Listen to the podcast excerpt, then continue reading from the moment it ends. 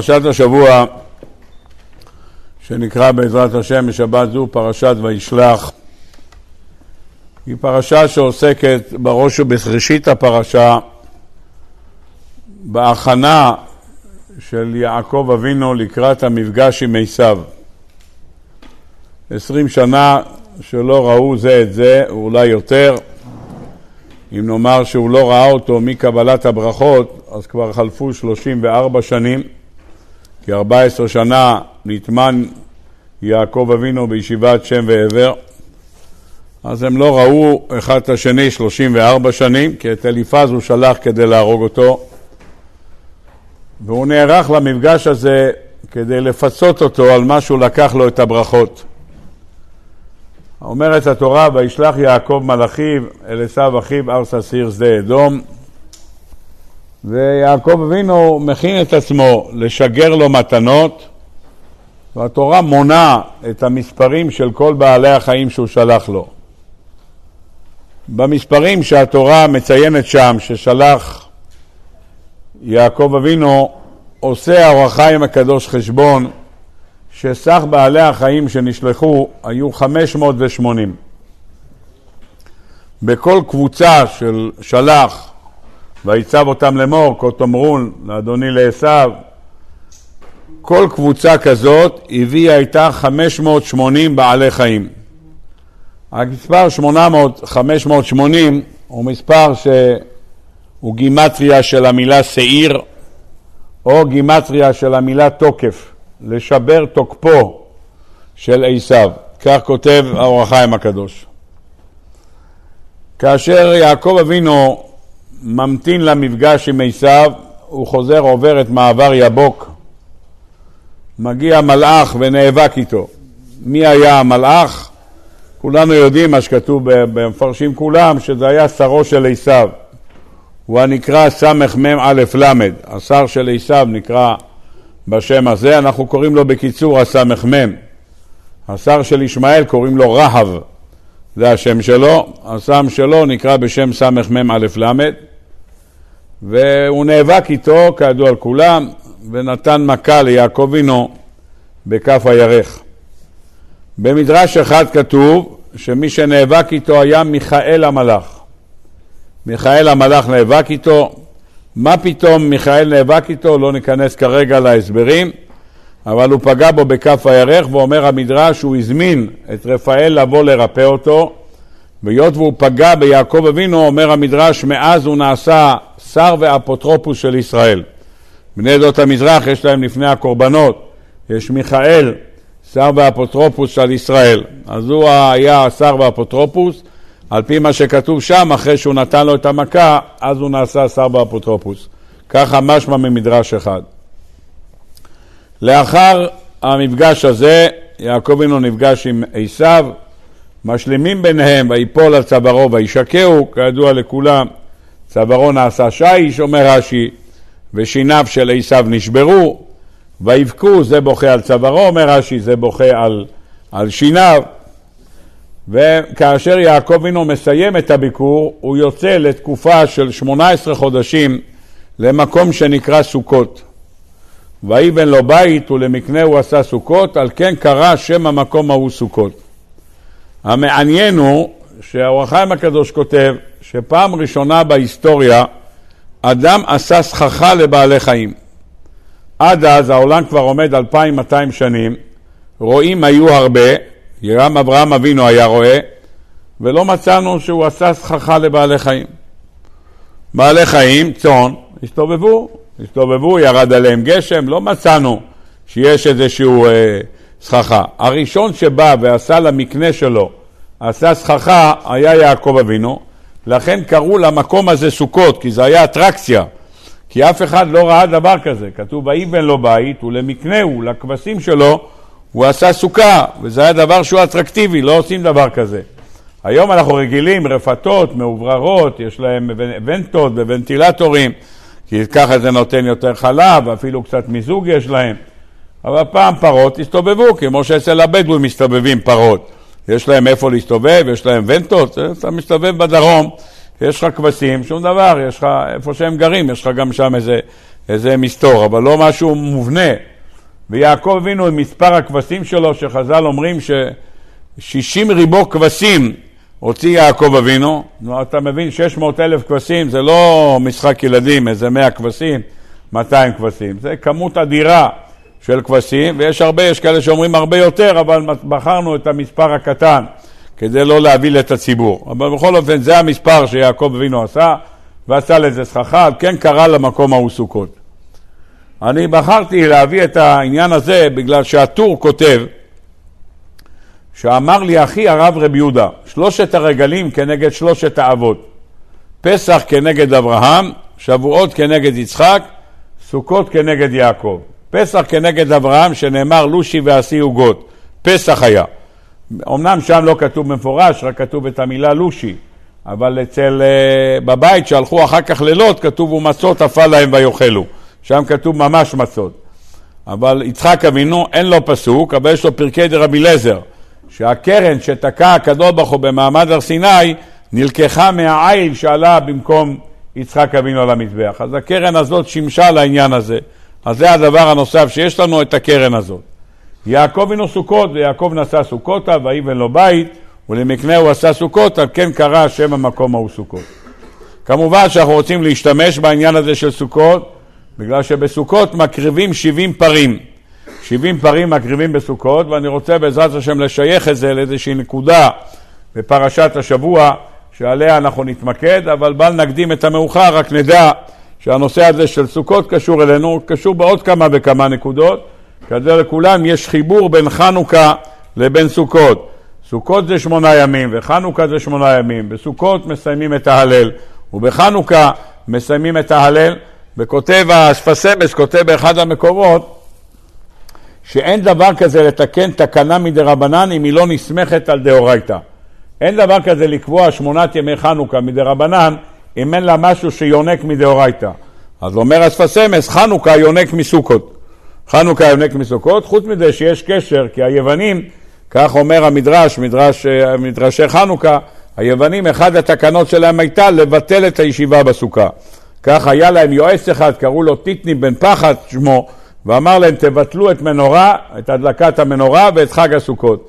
תכף אנחנו נראה מה אומר הספר חנוכת התורה, חנוכת התורה על הדבר הזה, אבל בכל אופן זה מה שכתוב. אז ממילא הם ביקשו לבטל את סוכות, הסוכות יונק מזה. למשל פורים, שהוא יומיים, הוא יונק מחג השבועות. חג השבועות יש לנו אחד יום אחד ויום אחד בחוץ לארץ, ככה יש לנו יום אחד לפרזים ויום אחד למוקפים, זה יונק מחג השבועות. כך כתוב וגם מחובר אחד לשני, כי קבלת התורה שבכתב הייתה בחג השבועות, קבלת התורה שבעל פה, קיימו וקיבלו היהודים, השלמת קבלת התורה הייתה בחג הפורים, אז ממילא זה גם משלים אחד בשני. טוב, למדנו כאן את היסוד ואנחנו רוצים בעזרת השם לעמוד על נקודה מעניינת. מעבר למה שדיברנו עכשיו, הזכרנו בשבוע שעבר שיעקב אבינו נחשב ראש לגולים.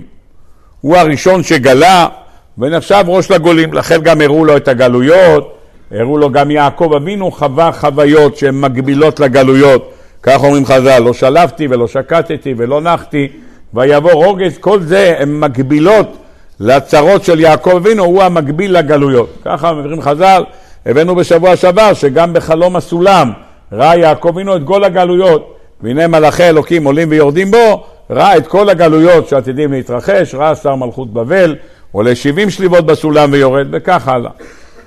בפרשת השבוע שלנו יש מה שנקרא מאחורי המסך נושא המשיח.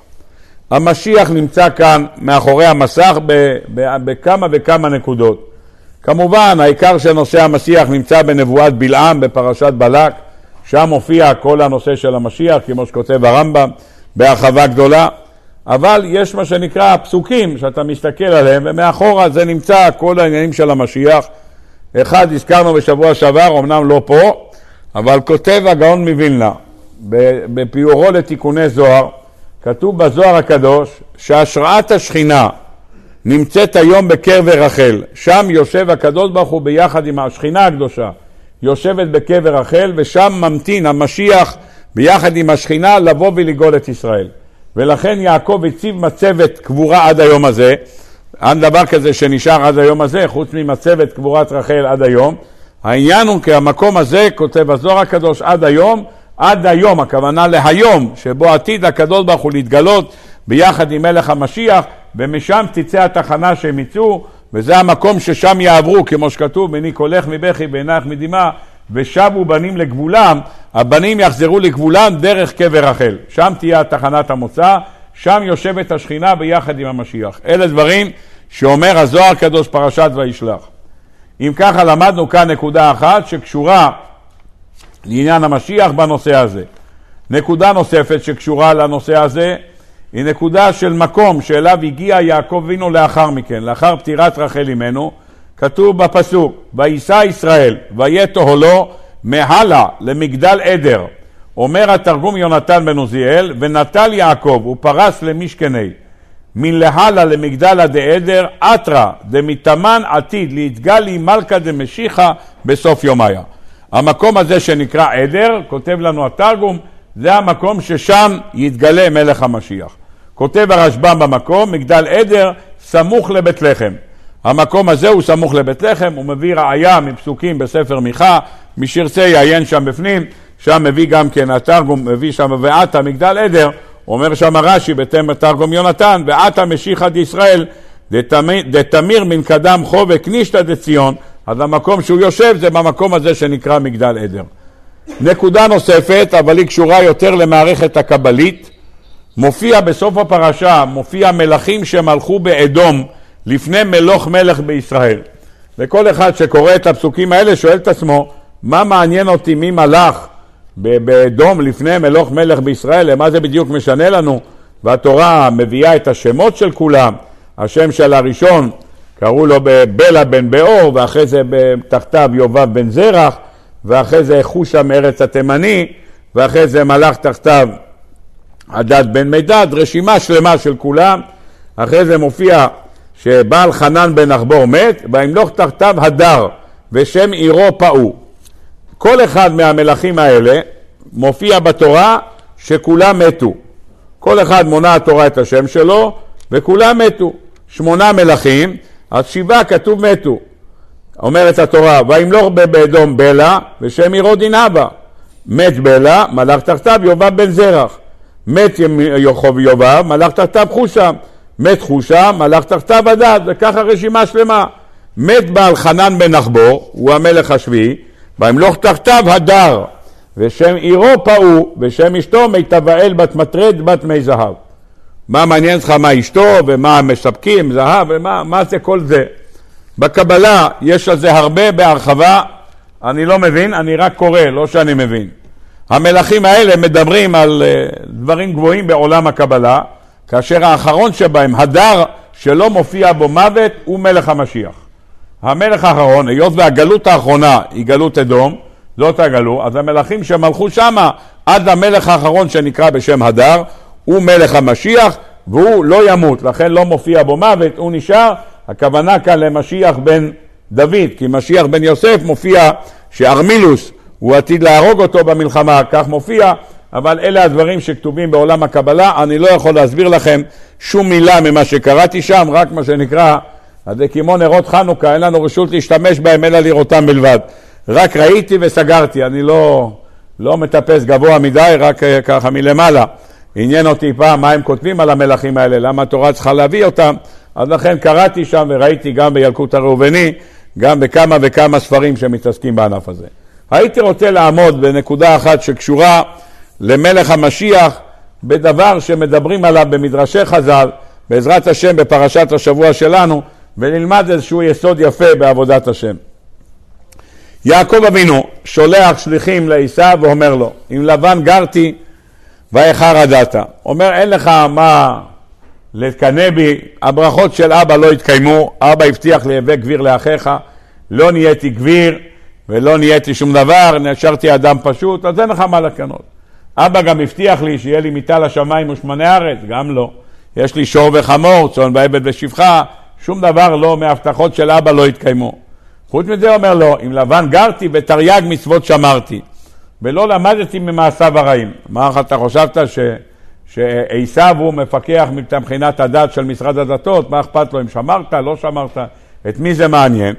אז המפרשים פה קושרים את כל הדברים האלה בחטיבה אחת. למה? כי יעקב אבינו בירך אותו, אבא שלו יצחק, ואמר אחר כך לישמעאל, סליחה, לעשיו, איך אתה תגבר עליו? והיה כאשר תריד, הוא פרק את העולו, ברגע שהוא ירד בזה, תוכל לתפוס אותו. אומר לו, תשמע, א' כל, לא ירדתי, תרי"ג מצוות שמרתי, אז שלא תחשוב שתוכל להשתלט עליהם מהבחינה הזאת שאבא אמר לך, לא תשלוט. אה, תשאל אותי שאלה מאוד פשוטה, איך יכול להיות שאבא בירך אותה והברכות לא התקיימו? אלא מה? סימן שאתה לא מקיים מצוות. אם היית מקיים מצוות, אז הברכות היו מתקיימות. למה הן לא מתקיימות? כי אתה לא מקיים מצוות. אומר לו, לא, לא, לא. לא זאת הסיבה. הסיבה היא אחרת לגמרי. אומר הספר כלי יקר, הסיבה היא אחרת. מהי הסיבה? דע לך, אומר לו, אומר לו יעקב אבינו, כאשר באתי לאבא, אבא שאל אותי מי אני, אמרתי לו, אני עשיו בכורך. אבא לא הבין, אומר הכל כל יעקב, והידיים ידי עשיו, הוא לא ידע והוא בירך אותי. אומר ליעקב אבינו, דע לך, כשאבא בירך אותי, בראש שלו היה שמי שעומד מולו זה לא יעקב אבינו. אם היה לו איזשהו אחוז שזה יעקב אבינו, הוא לא היה ספק, היה נראה לו מוזר, כי הידיים שעירות, אבל הקול הוא קול של יעקב. הוא יכול להגיד, תשמע, הוא צרוד, הוא שר יותר מדי במלווה דמלכא, אז הוא נהיה צרוד. אבל להגיד שזה הוא, אם אתה רואה שהוא שעירות, זה, זה הדבר הכי אופייני, היה לו שערות, אז הוא ראה שהוא, מה, הקול? קול לא תמיד אתה מקבל אותו קול. לפעמים הקולות הם אה, טובים, צלולים יותר, לפעמים אתה, יש לך כמה שיעורים, אתה צרוד יותר, אף אחד לא יכול להתחייב לך לשום דבר. ולכן, אומר זאת הסיבה, שאמר לו הברכה לא חלה, למה הברכה לא לה? כשאתה מברך מישהו והדעת שלך נתונה על אותו בן אדם, אתה לא יכול להכניס ברכה למישהו אחר. אומר, תשמע, אני תרי"ג מצוות שמרתי, שלא תחשוב שפרקתי עול. אני תרי"ג מצוות שמרתי, לא השתנה שום דבר. אלא מה? מה קרה? דבר אחד קרה, אומר, שאני חשבתי שאני אלבש את הבגד של עשיו, ואני אומר, אנוכי עשיו בכורך, הברכות יחולו. אני רואה שזה לא עובד. מכאן אני מגיע למסקנה, שכאשר אדם, כאשר מגיע בן אדם, והאדם הזה מבקש ברכה ממישהו, והוא לא יודע מי נמצא שם ומברך, לכן מה? לכן זה לא תופס. לכן מה? צריך שהוא יראה אותו, צריך שהוא יזהה אותו, צריך שהוא יכיר אותו, ולכן אומר, אומר יעקב אבינו, קחם נא אליי ואברכם, בבקשה תביא אותם. למה? כי עיני ישראל כבדו מזוקן, לא יוכל לראות. אמר תביא, אני אשים את היד, אני אשים את היד, אני אדע מי מנשה מאפרים, אחרי זה הוא סיכל את ידיו, אבל עם כל זה, הוא רצה לדעת מי הוא, אז הוא מזהה, אז הברכה חלה. כשאתה מברך מישהו והוא לא הבן אדם הזה, אז אין לה ברכה מה לחול, אתה חושב על יעקב, מברך את דוד. אז זה לא חל. לכן אומר לו יעקב אבינו, תשמע, לא נעשיתי שר, ואין לי קר קרקעות, ואין לי שום דבר. מה אתה חושב? אולי אני לא מקיים מצוות? אני מקיים מצוות. אלא למה הברכה לא חלה? מסיבה פשוטה מאוד. כי הבנתי שעשיתי טעות, חשבתי שאני אצליח לפלח ברכה, על זה שאני אלבש בגדים של עשיו, ואני אעשי ככה, אומר, אתה רואה, זה לא עובד. למה לא עובד? מסיבה פשוטה מאוד. בגלל שהברכה חלה על מי? היא חלה על זה שהכוונה הייתה עליו. אלה הדברים שאומר הכלי יקר, דבר יפה מאוד בסייעתא דשמיא, לבאר את המשא ומתן של יעקב עם עשיו. אומרת התורה, מה הוא אומר לו? ויהי לי שור וחמור, צאן ועבד ושבחה. ויהי לי שור, אומר רש"י, גם ברבים אומרים שור. לא אומרים קרא התרנגולים, אלא אומרים קרא התרנגול, כך אומר רש"י. אותו דבר גם כאן. לא אומרים שברים, אלא אומרים שור, לא אומרים חמורים, אלא חמור. ולמה לא הזכיר גמל? אומר, ה... אומר, הכלי, אומר הבעל הטורים, ולא הזכיר עמל, אלא רצה לרמז למישהו שנמשל. אף אחד מהשבטים לא נמשל לגמל. נמשלו לחמור, יששכר חמור גרן, נמשלו לשור, יוסף חור שורה הדר לו, יהודה נמשל לאריה, זה לא בגלל שזה סימן זה טהור או לא. גמל, אף אחד לא נמשל, יעקב אבינו לא אמר למישהו, אתה תהיה כמו גמל. חוץ מזה, שהם לא רצו להשתמש במילה גמל, כותב אחד המפרשים שם על, על הבעל הטורים, כי הגמל יש לו סימן טהרה אחד וסימן טומאה אחד. ועדיף שתדע שהוא או טמא או טהור, לא מעורבב. אחד שהוא מעורבב זה הכי גרוע. מה שנקרא, פעם שאלו מישהו, מה החיה הכי מושלמת? אומר, הכי מושלמת זה ברווז לכאורה. למה ברווז? הוא אומר, הוא גם רץ וגם עף. הוא לא עף כמו ציפור, אבל הוא עף וזה, הוא גם לא זה, הוא גם שוחה. הוא אומר, תרנגול לא שוחה, אז יש לו כל הכישורים, הוא גם שוחה וגם עף וגם זה. מישהו אומר, תשמע, אתה לא רואה שהברווז נחשב מי יודע מה, למה?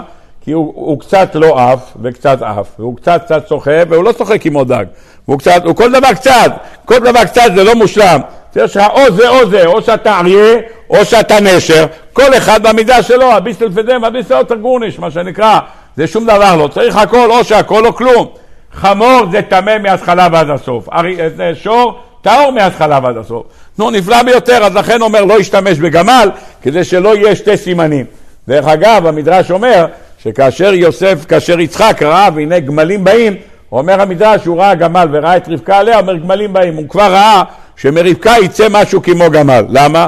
אחד טהור ואחד טמא. יעקב יהיה טהור ועשיו יהיה טמא, אז הוא אומר, או, אני כבר רואה את הגמל, אני כבר רואה את הערבוביה הזאת שאמורה לצאת. אז לכן אומר, הוא גם לא בירך בגמלים, כך מופיע בבעל בעל הטורים.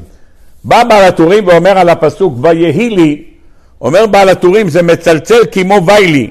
ויהי לי, כמו ויהי במאה אחשורוש, חז"ל, ויהי לשון צער, ויהי לי לשון צער. מה זה ויהי לי שור וחמור?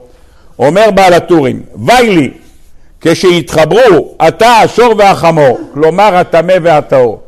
אני פוחד מאוד, אומר בעל הטורים, והמקור של הדברים זה זוהר, מהחיבור של הטמא והטהור, שאחד קוראים לו שור ואחד קוראים לו חמור. כך מביא בעל הטורים, ומהפחד הזה אמר יעקב אבינו, ויילי, ויילי, ויהי לי שור וחמור, ויילי. איך אומרים אוכמווי, מה שנקרא, אני מפחד מהחיבור הזה. על איזה חיבור מדובר של שור וחמור, שממנו פחד יעקב אבינו, אנחנו בעזרת השם ננסה להבין. בא הספר עמודי הוד, ושואל שאלה מאוד יפה, מה אתה מודיע לו? ויהי לי שור וחמור. מה זה? מה זה שור וחמור? אז חז"ל הקדושים אומרים, גם בעל הטורים אומרים, השור הכוונה ליוסף, שנאמר בכור שור ההדר לו, וחמור הכוונה ליששכר, שנאמר יששכר חמור גרם. אלה הדברים הפשוטים, מביא בעל הטורים, שום דבר לא פשוט. אבל זה הדברים שמביא בעל הטורים, כך מופיע במדרשי חז"ל, בתנחומה, ברבה, כולם נוקטים באותו דרך. אומר, מה הוא רצה להגיד שור וחמור? הוא אמר שהדרך לנצח את עשיו הוא בכוח אחד. מה הכוח שיש? אתה צריך ללמוד מה הכוח שיש לו, ומהכוח שיש לו, אתה יכול לדעת איך אתה מתגבר אליו. אף אחד לא פחד מעשיו. יעקב אינו לא פחד, אף על פי שכתוב בתורה, וירא יעקב מאוד ויצר לו, הוא לא פחד מהמצוות, מה, מהכוח של עשיו. יעקב אבינו היה גיבור הרבה יותר גדול מעשיו, הרבה יותר גדול. היה, העביר את האבן מעל פי, מעל פי הבאר, קראנו בשבוע שעבר, אומר רש"י, כאדם שמעביר פקק מעל פני הצלוחית. אבן שרק כמה עשרות רועים יכולים להזיז אותה, הוא עשה כמו שאתה עושה לפקק, אתה עושה, אתה עושה ככה, ככה הוא פתח אותה.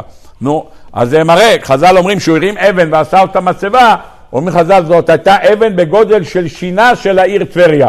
זה הגודל של האבן הזאת. נו, אז אם מגיע לבן, מגיע אדון עשיו לקראתו, הוא יכול להרים אבן ולהגיד לעשיו, אם אתה מתקרב, אני שם את זה עליך ועושה לך קבורה עם הקמת מצבה בו זמנית. לא יצטרכו לעבור שתי תהליכים, אני מוריד עליך את זה וסיימנו את התהליך ברגע אחד. יעקב אבינו לא פוחד מהכוח של עשיו למרות שהוא ג'ינג'י. לא זאת הבעיה. הוא פחד מהמצוות שהיו לו במשך עשרים שנה וליעקב אבינו לא היה. שתי מצוות היו בידו, גם כיבוד אב ואם וגם ישיבת ארץ ישראל, שלא היה ליעקב אבינו. היה לו, הוא למד, הוא עסק, הוא אומר תרי"ג מצוות שמרתי. איך אתה אומר תרי"ג מצוות שמרתי ולא שמרת? אומר שמה, שפתי חכמים, הוא גם כמובן, הוא למד את כל ההלכות האלה, וכתוב שכל מי שלומד, כל העוסק בתורת חטאת, כאילו הקריב חטאת, כל העוסק בתורת עולה, כאילו הקריב עולה. אז הוא גם עסק בהלכות כיבוד אב אבל בפועל זה לא היה. ודאי שמי שעוסק בפועל, ודאי שהמעלה שלו יותר גדולה. אז ממילא יעקב אבינו לא פחד, ממה הוא פחד? משני המצוות שיש לו לעשיו. אותו דבר מצאנו אצל עוג מלך הבשן. משה רבינו פוחד ממנו, שואלים מה אתה פוחד? מה הוא פחד? הוא פחד ויבוא הפליט ויגד לאברהם העברי ונוצר, לוט ניצל מזה ומזה יצא שולשלת בן דוד, אז מזה הוא פחד. אז מה היה הפחד? היה פחד דבר אחד, מהמצוות. הפחד הוא לא מכוח, אנחנו לא מפחדים מכוח. הכוח שיש לעוג מלך הבשן מצווה ולעשיו מצווה, מזה יש את הפחד הגדול של וירא יעקב מאוד ויצר לו. טוב, אומר הספר עמודי הוד יסוד נפלא. הכוח של עשיו הוא שתי מצוות, והכוח הרע של עשיו הם שתי עבירות. ויבוא עשיו מן השדה והוא עייף. אומר המדרש, מה הוא התעייף הג'ינג'י הזה? מה קרה? רק עכשיו נולד, הוא כבר מתעייף, בחור בן 15 עייף, מה קרה? חז"ל, שני עבירות עבר באותו יום. במדרש מופיע רק שניים. בגמרא מופיע חמש, בגמרא, במדרש שתיים. הרג את הנפש ובעל נערה מורסה. דהיינו, שפיכות דמים וגילוי עריות. אלה שתי הדברים הנוראים שמצאנו אצל עשיו ביום שבו נפטר אברהם אבינו, היום של הפטירה שלו. הוא חזר הביתה וביקש. לאכול, ואז אמר לו יעקב אבינו, תמכור לי את הבכורה. הוא אמר, מי צריך בכורה? והוא לא כופר בתחיית המתים וכופר באמונה, והם חז"ל ושת את הבכורה, הוא ביזה. אלה מכלול הדברים שחז"ל מביאים מסביב לעניין. במדרש כתוב רק שניים, הרג את הנפש ובעל נערה מורסה. אם ככה, מציב מולו יעקב אבינו, תדע, הכוח שלך הוא כיבוד אב ואם, והכוח שלך הוא כי ארץ ישראל. אני גם יודע את העבירות שלך. מה העבירות שלך? גילוי עריות ושפיכות דמים. אני מציב לך את יוסף מולך, ויהי לי שור. מה הכוח של השור? יוסף הצדיק, כידוע לכולם, עמד בניסיון של עריות, של אשת פוטיפר. אז הכוח הזה יש לו. חוץ מזה שהמידה שלו היא מידה של יסוד, כידוע לכולם. זאת המידה שלו. וחוץ מזה יש את הדבר הנוסף, שיוסף הצדיק גם פרנס את כל העולם. הוא נתן אוכל לכל העולם כולו. הוא המשביר, בשעה שהיה רעב בעולם הוא נתן אוכל, אז זה הפך הרציחה. ברציחה אתה רוצח, אתה לא מתנהג כמו שצריך, תודה. אתה לא מתנהג כמו שצריך, אבל כאשר יוסף הוא המשביר, אז הוא מחיה את כל העולם. אם הוא מחיה את כל העולם, אז הפך המוות. חוץ מזה אומר ראשית כוח התורה של יששכר, ותוירו מגנאו מצלה. עד כאן הדברים שכותב הספר עמודי הוד לבאר מה פירוש דבר, ויהי שור וחמור, שלח לו את שני אלה כי הם כנגדו בעניין של הקדושה מול הטומאה. אני רוצה ברשותכם ללמוד את המדרש בפרשת השבוע על ויהי שור וחמור. מתחיל המדרש, שור וחמור, שור זה יוסף שנאמר בכור שורו הדר לו, וחמור זה יששכר שנאמר יששכר חמור גרם. פירוש נוסף אומרים חז"ל, שור זה הכוונה למשוח מלחמה, וחמור הכוונה למשיח השם, משיח בן דוד, שנקרא אני ורוכב על חמור.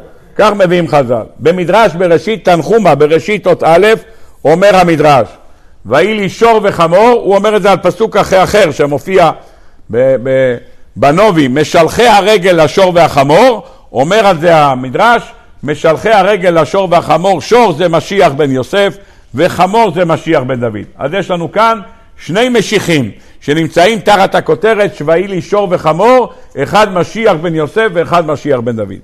אני רוצה ברשותכם לעמוד כמה דקות על שור דקדושה וחמור דקדושה. שור דקדושה נקרא יוסף הצדיק. יוסף הצדיק נקרא שור קדושה, הוא השם שלו שור. איפה הוא נקרא בשם שור? הוא נקרא בפרשת זזוי סברוכו, פרשת זזות הברכה, מברך אותו משה רבינו, ושם הוא אומר בכור שורו עדר לו, וקרני ראם קרנה בהם. זה המקום שנקרא בכור שורו, שם זה השם שלו נקרא בכור שור. יפה מאוד. אבל מצאנו עוד קודם שהוא נקרא שור. יעקב אבינו קורא לו שור. איפה? אומר יעקב אבינו בשעה שהוא מדבר אל שני השבטים, שמעון ולוי, שמעון ולוי אחים, כלי חמאס מכורותיהם, בסודם אל תבוא נפשי, בקהלם אל תחת קודי, כי באפם גוש שור. מי זה שור? אומר שם רש"י, זה יוסף, שנאמר בכור שורו הדר לו, אז הוא נקרא בשם שור. מצאנו מקום נוסף שהוא נקרא בשם שור, בשעה שהלכו לחלץ הלכו לחלץ את, אה, את יוסף הצדיק, מי שהלך להוציא אותו זה משה רבנו, הוא הרי השביע, כמו שכתוב בפסוק, כי השביע השביע את בני ישראל לאמור פקוד, יפקוד אלוקים אתכם ועליתם את עצמותיי. מזה, אז הוא השביע אותם להעלות את העצמות שלו. משה רבנו שלושה ימים סבב במצרים, חיפש את הקבר של יוסף ולא מצא. לא מצא. עד שפגשה בו סגולה, כך כתוב בחז"ל, פרשת וזאת הברכה, סגולה על שמה נקרא בית העלמין, פה לא רחוק, נקרא בית העלמין על שמה, כי זה סגולה לאריכות ימים. אז זה קבורה שמה, מי שקונה קבר קודם, זה סגולה לאריכות ימים כתוב, אז לכן כזה סגולה. אז מילא קרא סגולה, פגשה אותו, כי האריכה ימים בצורה מופלגת, ושאלה אותו, למה העיניים שלך אדומות? ככה שואלת אותו סגולה. הוא אומר לה, אני מחפש כבר שלושה ימים, לא נתתי שינה לעיניי ולעפפיי תנומה, עד אשר אמצא את קברו של יוסף הצדיק. איפה היית? הייתי פה, הייתי שם, לא מצאתי. אומר, לא תמצאי. הוא אומר לה, לא תמצא אף פעם. הוא קבור בנילוס. ברגע שיוסף נפטר, עשו ארון ממתכת וסרקו אותו בפנים, לא תמצא אותו. אומר, איפה זה? אומר, הנה בוא אני אראה לך כאן, מהעץ, מאחורי העץ, כאן זה נמצא. יופי, עמד משה ליד גדת הנילוס וצעק, יוסף, יוסף, הגיע סגן גדולתנו, אם אתה יוצא טוב, ואם לא, אנחנו משוחררים משבועתך. אתה מוכן לצאת? אז במקום אחד כתוב שהוא יצא. במקום אחר כתוב שהוא לא יצא. הלך משה רבנו ואמר למיכה שילך לחנות טמבור ויקנה לו חתיכת תת של, של, אה, של מתכת וכתב על זה עם מסמר עלי שור וזרק את זה בתוך הנילוס והארון של יוסף עלה. אז מצאנו שהוא נקרא בשם שור, מצאנו כבר כמה מקומות. אחד שאמר לו כי ברצונם יקרו שור, מצאנו פה שקוראים לו שור ובכור שורה הדר לו. מצאנו עוד מקום אחד, מופיע בספר משלי ורק תבואות בכוח שור, אומרים חז"ל, זה יוסף הצדיק שפרנס את כל העולם וסיפק תבואה לכל העולם, ולכן ברוב תבואות בכוח שור. שור, כידוע לכולם, הוא המזל של חודש אייר. אחרי תלה מגיע השור, זה יוסף, שאז מבשילים התבואות, התבואות אז מבשילות, ולקראת מגיע חודש סיוון, זה הקציר, בימי קציר חיטים, זמן הקציר הוא חודש סיוון, כידוע לכולם. טוב, עד כאן הדברים. כמו שיש לנו שור בקדושה, ככה יש לנו חמור בקדושה. מי זה החמור בקדושה? יששכר חמור גרם. הוא נקרא בשם חמור דקדושה. הוא נקרא בשם חמור, יפה מאוד. למה הוא נקרא בשם יששכר חמור גרם? א' כל כותב רבינו בחיי בפרשת בו שהמילה חמור לא מופיעה בתורה עד אברהם אבינו. עד אברהם אבינו לא מופיע השם הזה חמור. אצל אברהם אבינו כתוב ויחבוש את חמורו. זה הפעם הראשונה שיוצא לאור עולם השם חמור. אברהם אבינו מחובר לחמור באופן מיוחד. כותב, מי כותב את זה? ראיתי את זה בספר של... כמני שכמדומני של רב דובי טבל או בילקוס הראובני. בפרשת השבוע, הוא כותב יששכר חמור גרם, החמור הוא כנגד אברהם, בקטע הזה הוא כנגד אברהם, גרם בגימטריה 243, חמור ח' מ"ר 248. לפני שאברהם התגייר, היה לו רק אברהם, אברהם זה 243, זה גרם. אחרי שהוא התגייר, הוא נהיה אברהם, נהיה לו 248, הגימציה שלו חמור. אז חמור פירוש דבר בצד של הקדושה זה החמור. איפה מצאת שהחמור קשור לקדושה? כי שכר נקרא בשם חמור.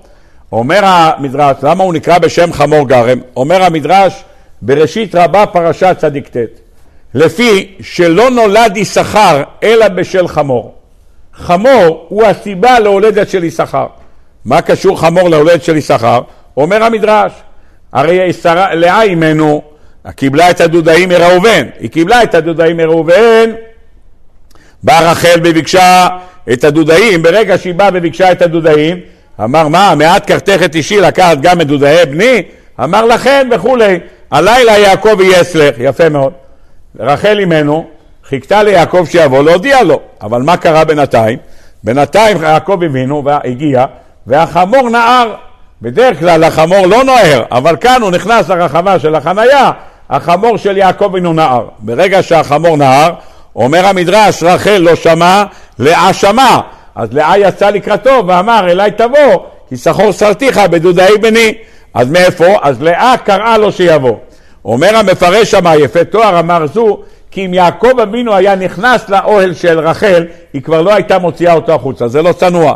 אבל ברגע שהוא הגיע שמע, החמור נער, רחל לא שמע, והיא שמעה, אז היא יצאה לקראתו ואמרה אליי תבוא. יוצא שהוא בא לאוהל שלה כתוצאה ממה? מזה שהחמור נער.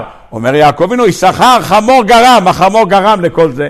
אומר המארזו שמה במקום, ישנה גמרא, הגמרא נמצאת במסכת תענית בדף כ"א. אילפא ורבי יוחנן החליטו שהם עוזבים את הישיבה והולכים לעבוד, כך אומרים. אנחנו אין לנו יכולת לכלכל את עצמנו, נלך לעבוד.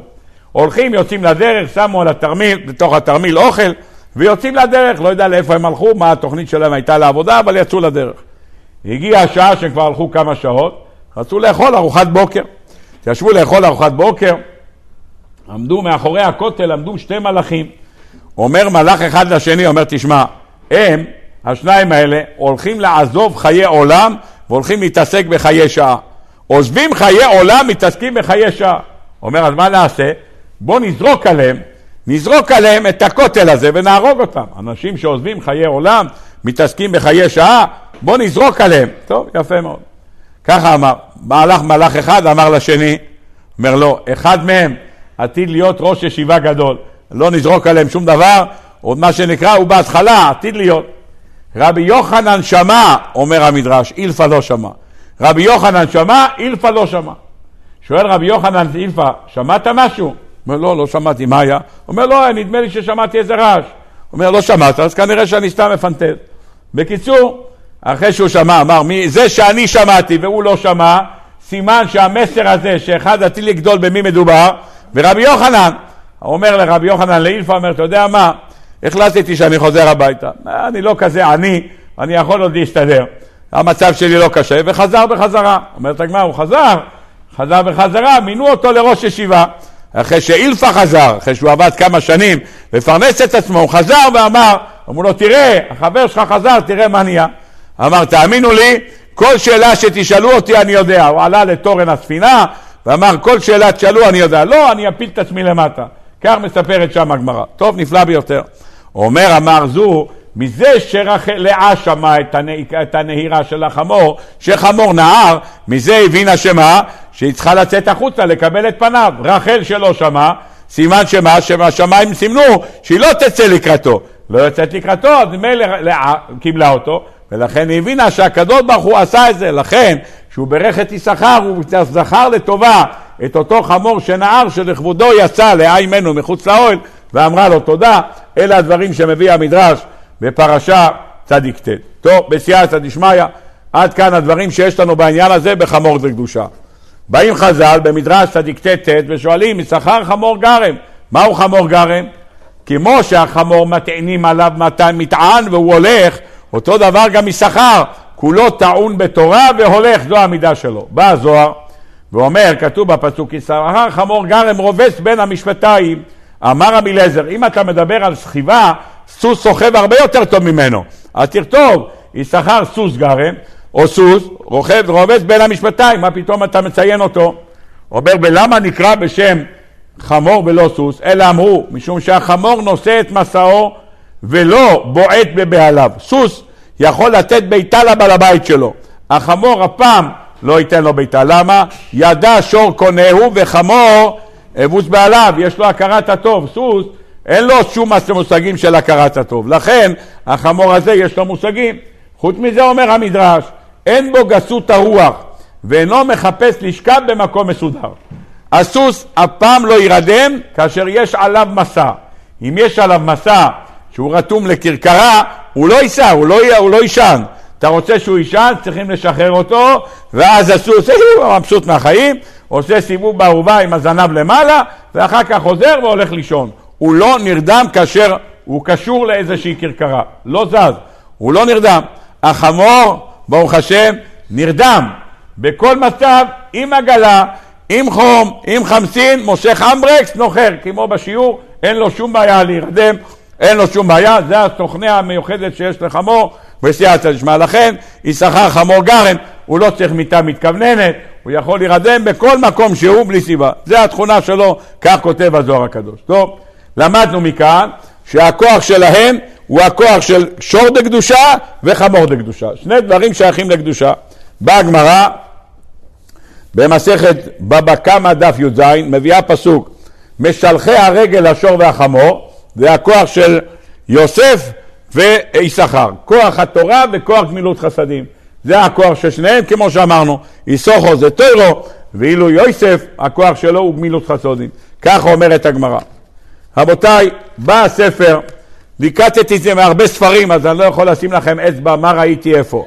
לקחתי את זה מהזוהר, מהארי הקדוש, מילקוט הראובני, מרב דוביל טבל, מהגאון מווילנה, מספר שם משמואל, מספר מנחת אליהו, מספר חמודי יצחוק, מלא ספרים שראיתי, כולם סובבים סביב אותו ציר, כולם מדברים על אותו דבר. אני אומר את הדברים בקצרה.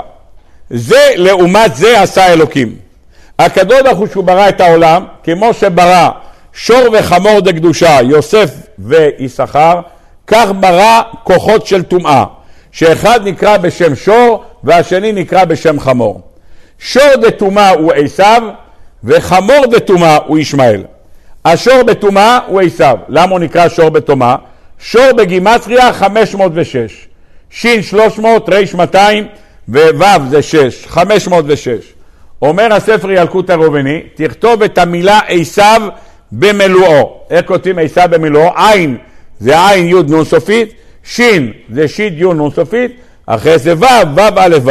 כמה יוצא לך? עין זה 130, זה עין, אחרי זה שין 360, ו' אחר כך זה 13. אז יש לך כמה? יש לך 130 ו-360 זה 490, ועוד 13, 503. תוסיף את זה שלוש אותיות של עשיו, קיבלת 506. עשיו הוא כוח השור דה טומאה, הוא הכוח של הטומאה, הוא נמצא בצד הזה. לעומת זה החמור שבטומאה הוא ישמעאל, כמו שכתוב, ואתם שבו לכם פה עם החמור. אתה והחמור אותו דבר. אומר המדרש, הכוח של עשיו הוא כוח של שור דה טומאה, והכוח של ישמעאל הוא הכוח של קדושה של טומאה בחמור, וזה החיבור שישנם בשני הדברים האלה. אם ככה בסייעתא דשמיא למדנו את החיבור בנושא הזה. באים רבותינו ואומרים שלכן ציוותה התורה, כך כותב הזוהר הקדוש, שלא לחרוש בשור וחמור יחדיו. אסור לחרוש בשור וחמור יחדיו. בסיבה שכתוב בחינוך, למה אסור לחשוב בשור וחמור יחדיו? כי השור הוא מעלה גרה והחמור לא מעלה גרה, ולא מפריץ פרסה. והחמור כל הזמן עולה לו אוכל. הוא כל הזמן אוכל, הוא חורש ואוכל. החמור מסתכל עליו ואומר, מאיפה הוא משיג אוכל? אני רעב כמו כלב, ואף אחד לא נותן לי לאכול, וזה אנחנו רואים, כל הזמן עולה לו אוכל הדבר הזה, וזה גורם קנאה בין השור והחמור, אז הוא אומר, אולי בחזור, כנראה אנחנו נתהפך עם, עם המחרשה, אז אולי אנחנו נהיה בצד הזה, שם נמצא עשב, אז שם אני אוכל, ככה הוא מרגיע את עצמו. הוא חוזר בחזרה, אומר וואלה הלכנו לשוחה אחרת בזה, והוא עדיין אוכל, אז זה מעצבן אותו, כך כותב החינוך, זה המצווה, משום צער בעלי חיים, כי השור הוא מעלה גרה והחמור לא, כך הוא אומר. ולכן אומר דרך אגב, שכמו שלא מדביקים שור וחמור יחדיו, כי זה אוכל וזה לא, אסור לחבר גם שני אנשים שהם אחד הפוך מהשני. אם אחד בעבודה עצבני, אל תשים לידו אחד רגוע. הוא אומר, שמע, הוא יצעק עליו וזה, תמיד, מה שזה, תנסה לשלב בין שניים שהם בעלי uh, רקע דומה, שלא יהיה כסח, כך כותב החינוך במצוות, במצוות uh, שור וחמור יחדיו. טוב, בסייעתא דשמיא. רבותיי, כמו שיש בקדושה, ככה יש בטומאה, וזה עשיו וישמעאל. כותב לנו בעל הטורים, ויהי, ויהי לי שור וחמור יחדיו, ויהיה לי, שמה? כאשר השור והחמור יחדיו יתאחדו. מה קרה? אומר הזוהר הקדוש, דע לך, כי יעקב, שעשיו הרשע ראה שרעות בנות כנען בעיני אביו, אז מה הוא עשה? הלך והתחתן עם מי? עם בת של ישמעאל. לקח לו את מחלת בת ישמעאל לאישה. מה פתאום הוא הלך לשם? אז רש"י אומר את הסיבה שלו. הוא אומר, הוא פשוט מאוד התאחד השור והחמור יחדיו. היות והתורה כתבה לא תחרוש בשור בחמור יחדיו, הלך עשיו והתחבר אל ישמעאל כדי להיות שור וחמור יחדיו בצד של הטומאה. באותו רגע שהם מתחברים ביחד בצד של הטומאה, הם מגבירים את כוח של הטומאה. אז מה צריכים כנגדם? צריכים כנגדם הכוח של שור וחמור בקדושה. איפה הם התאחדו? אתה רואה שור וחמור, איפה אתה מוצא איחוד? את האיחוד שלהם אומר הספר בני סוסחו במאמר ה' בספרו במאמרים הנפלאים שלו על חנוכה. ישנו פסוק שמופיע בשיר השירים, אומר לנו שלמה המלך, הדודאים נתנו ריח ועל פתחנו כל מגדים. אומרים על זה חז"ל במדרש, הדודאים נתנו ריח זה ראובן, שהביא את הדודאים לאמו, והפתחנו כל מגדים, מה זה? זה נרות החנוכה. נרות החנוכה נמצא על הפתח, פתחנו כל מגדים. אומר הספר בני יששכר, הוא מעתיק כמה שורות מאלשיך הקדוש. מתי היה הלילה שבו חזר ראובן עם הדודאים? הדודאים חזר. כותב הספר אלשיך הקדוש שראובן חזר בערב חג השבועות, ה' בחודש סיוון, בימי כסי חיטים. מתי קוצרים כסי חיטים? מגילת רות, נכון? היא ירדה אל הגורן, מתי זה היה? לכן קוראים את זה בחג השבועות של מי חיטים. לכן מיד אחרי חג השבועות, בפרשת, בפרשת אמור, התורה מדברת שם על ענייני קציר, לקט שכחה ופאה, כי זה הזמן של הקציר, לכן התורה מדברת על זה. יפה מאוד. הלך ראובן ובא בה' בסיוון. בלילה הזה, אחרי שרחל קיבלה את הדודאים, יעקב אבינו הלך לאוהל לאה. מהלילה הזה נולד יששכר, שהוא עמוד התורה. כותב האלשיך הקדוש, שמה? שנולד עמוד התורה, מתי הוא נולד? עמוד התורה נולד בחג השבועות, ולכן אומר לכן אומר האלשיך הקדוש, לא תמצא בשום שבט מספר. לא כתוב אצל לאה, ותלת לו את הבן הראשון ושמו ראובן, ותלת לו את הבן השני ושמו שמעון.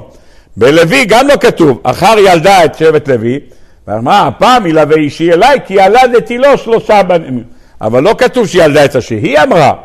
יהודה נולד, גם לא כתוב שנולד הילד הרביעי. מגיעים ליששכר, אחר כתוב, ותלת לאה ליעקב בן חמישי, ותקרא שמו יששכר. שואל הבני יששכר, שאלה יפה, אומר למה כאן התורה כותבת שילדה את הבן החמישי ושום ילד אין מספר? מה קרה כאן? ולפי שילדה אותו בח... נוצר יששכר בחג השבועות, וחג השבועות הוא זמן של קבלת התורה, ויששכר הוא קבל התורה, אם יששכר הוא עמוד התורה, יש לנו חמישה חומשי תורה, לכן כתבה התורה שילדה לו ילד חמישי, יפה מאוד. בא הספר בני יששכר ואומר, כתוב בפרקי דרב אליעזר, שהאימהות הקדושות כולם ילדו לשבעה חודשים, לא לתשעה, אלא ילדו למקוטעים שבעה חודשים. אומר הבני יששכר, כמה זה שבעה חודשים מליל חג השבועות, הגעת למה? הגעת לחנוכה. אם הגעת לחנוכה, יוצא שהחג שבו נולד, בו נולד יששכר, מתי זה? אם כולם ילדו לשבעה חודשים, אז ההיריון שלו התחיל מתי? בחג השבועות, והלידה שלו מתי הייתה? הלידה הייתה בחנוכה, ביום א' דחנוכה, כך הוא כותב. אומר אבני סוסחור, על פי זה תבין טוב מאוד.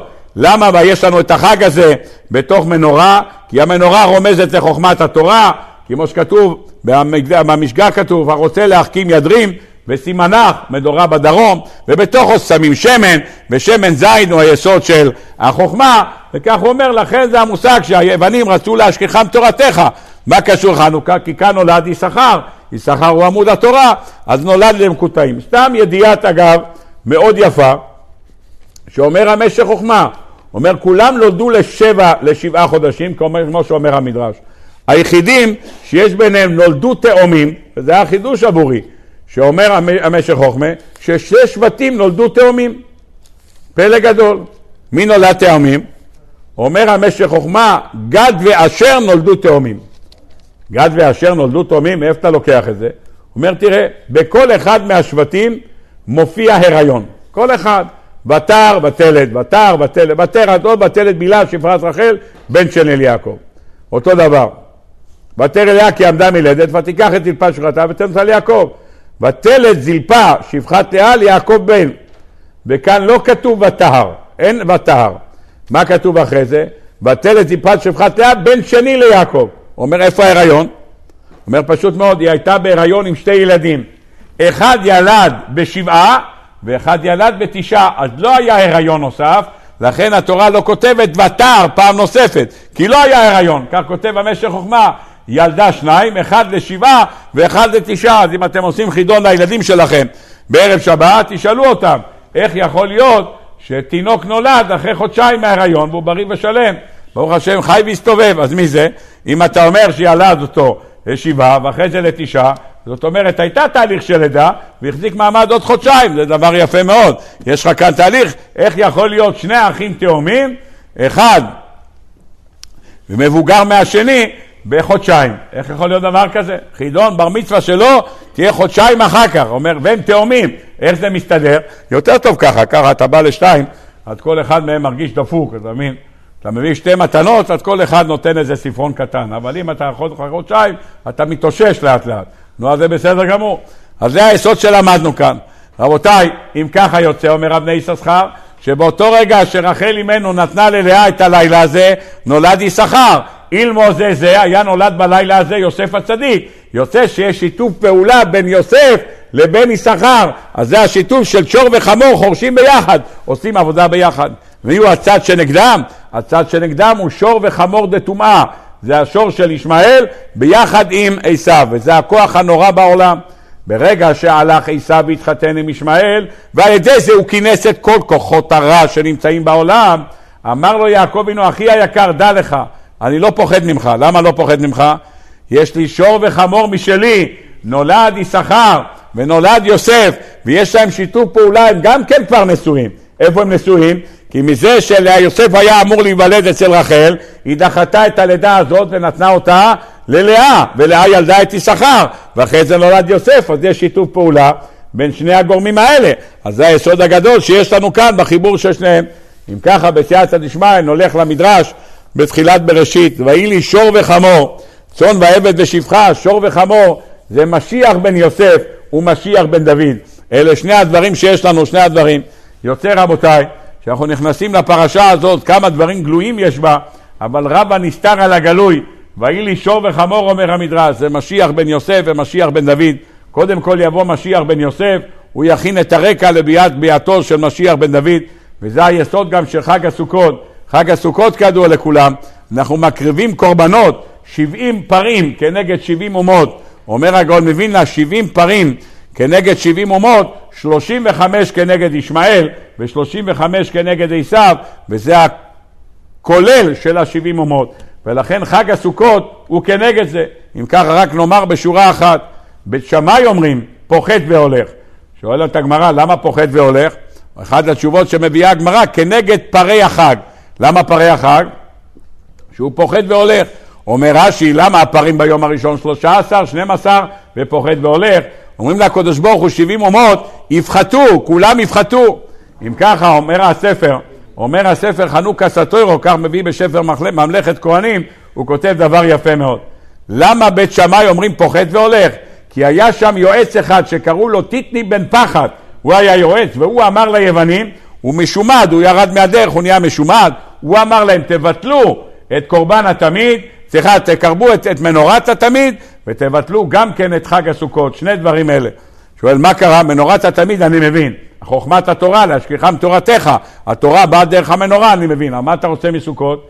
אמר להם טיטני בן פחד, כל מה שמקריבים בחג הסוכות, פרים כדי להחליש את הכוח של האומות. אם תבטלו את חג הסוכות, אז לא יביאו 70 פרים, אז לא יחלישו את הכוח של האומות. תבטלו את זה, יוצא שהפרים שמקריבים כדי להחליש את הכוח שלהם. הכוח של ישמעאל ביחד עם הכוח של עשיו שמחוברים ביחד בקורבנות. יזכנו הקדוש ברוך הוא בעזרת השם, ימי החנוכה שבאים עלינו לטובה, שנוכל לקיים ערכתי נר למשיחי, שיבוא כבר משיח צדקנו, ויהי לי שור וחמור, שור זה משיח בן יוסף, וחמור זה משיח בן דוד, שנזכה בעזרת השם לראות אותם במהרה בימינו אמן ואמן. רבי חנניה בן הקשיא אומר, רצה הקדוש ברוך הוא זכות את ישראל, לפיכך הבא להם תורה ומצוות שנאמר, אז אינו חופץ למען צדקו, ילדי תורה ויאדיר.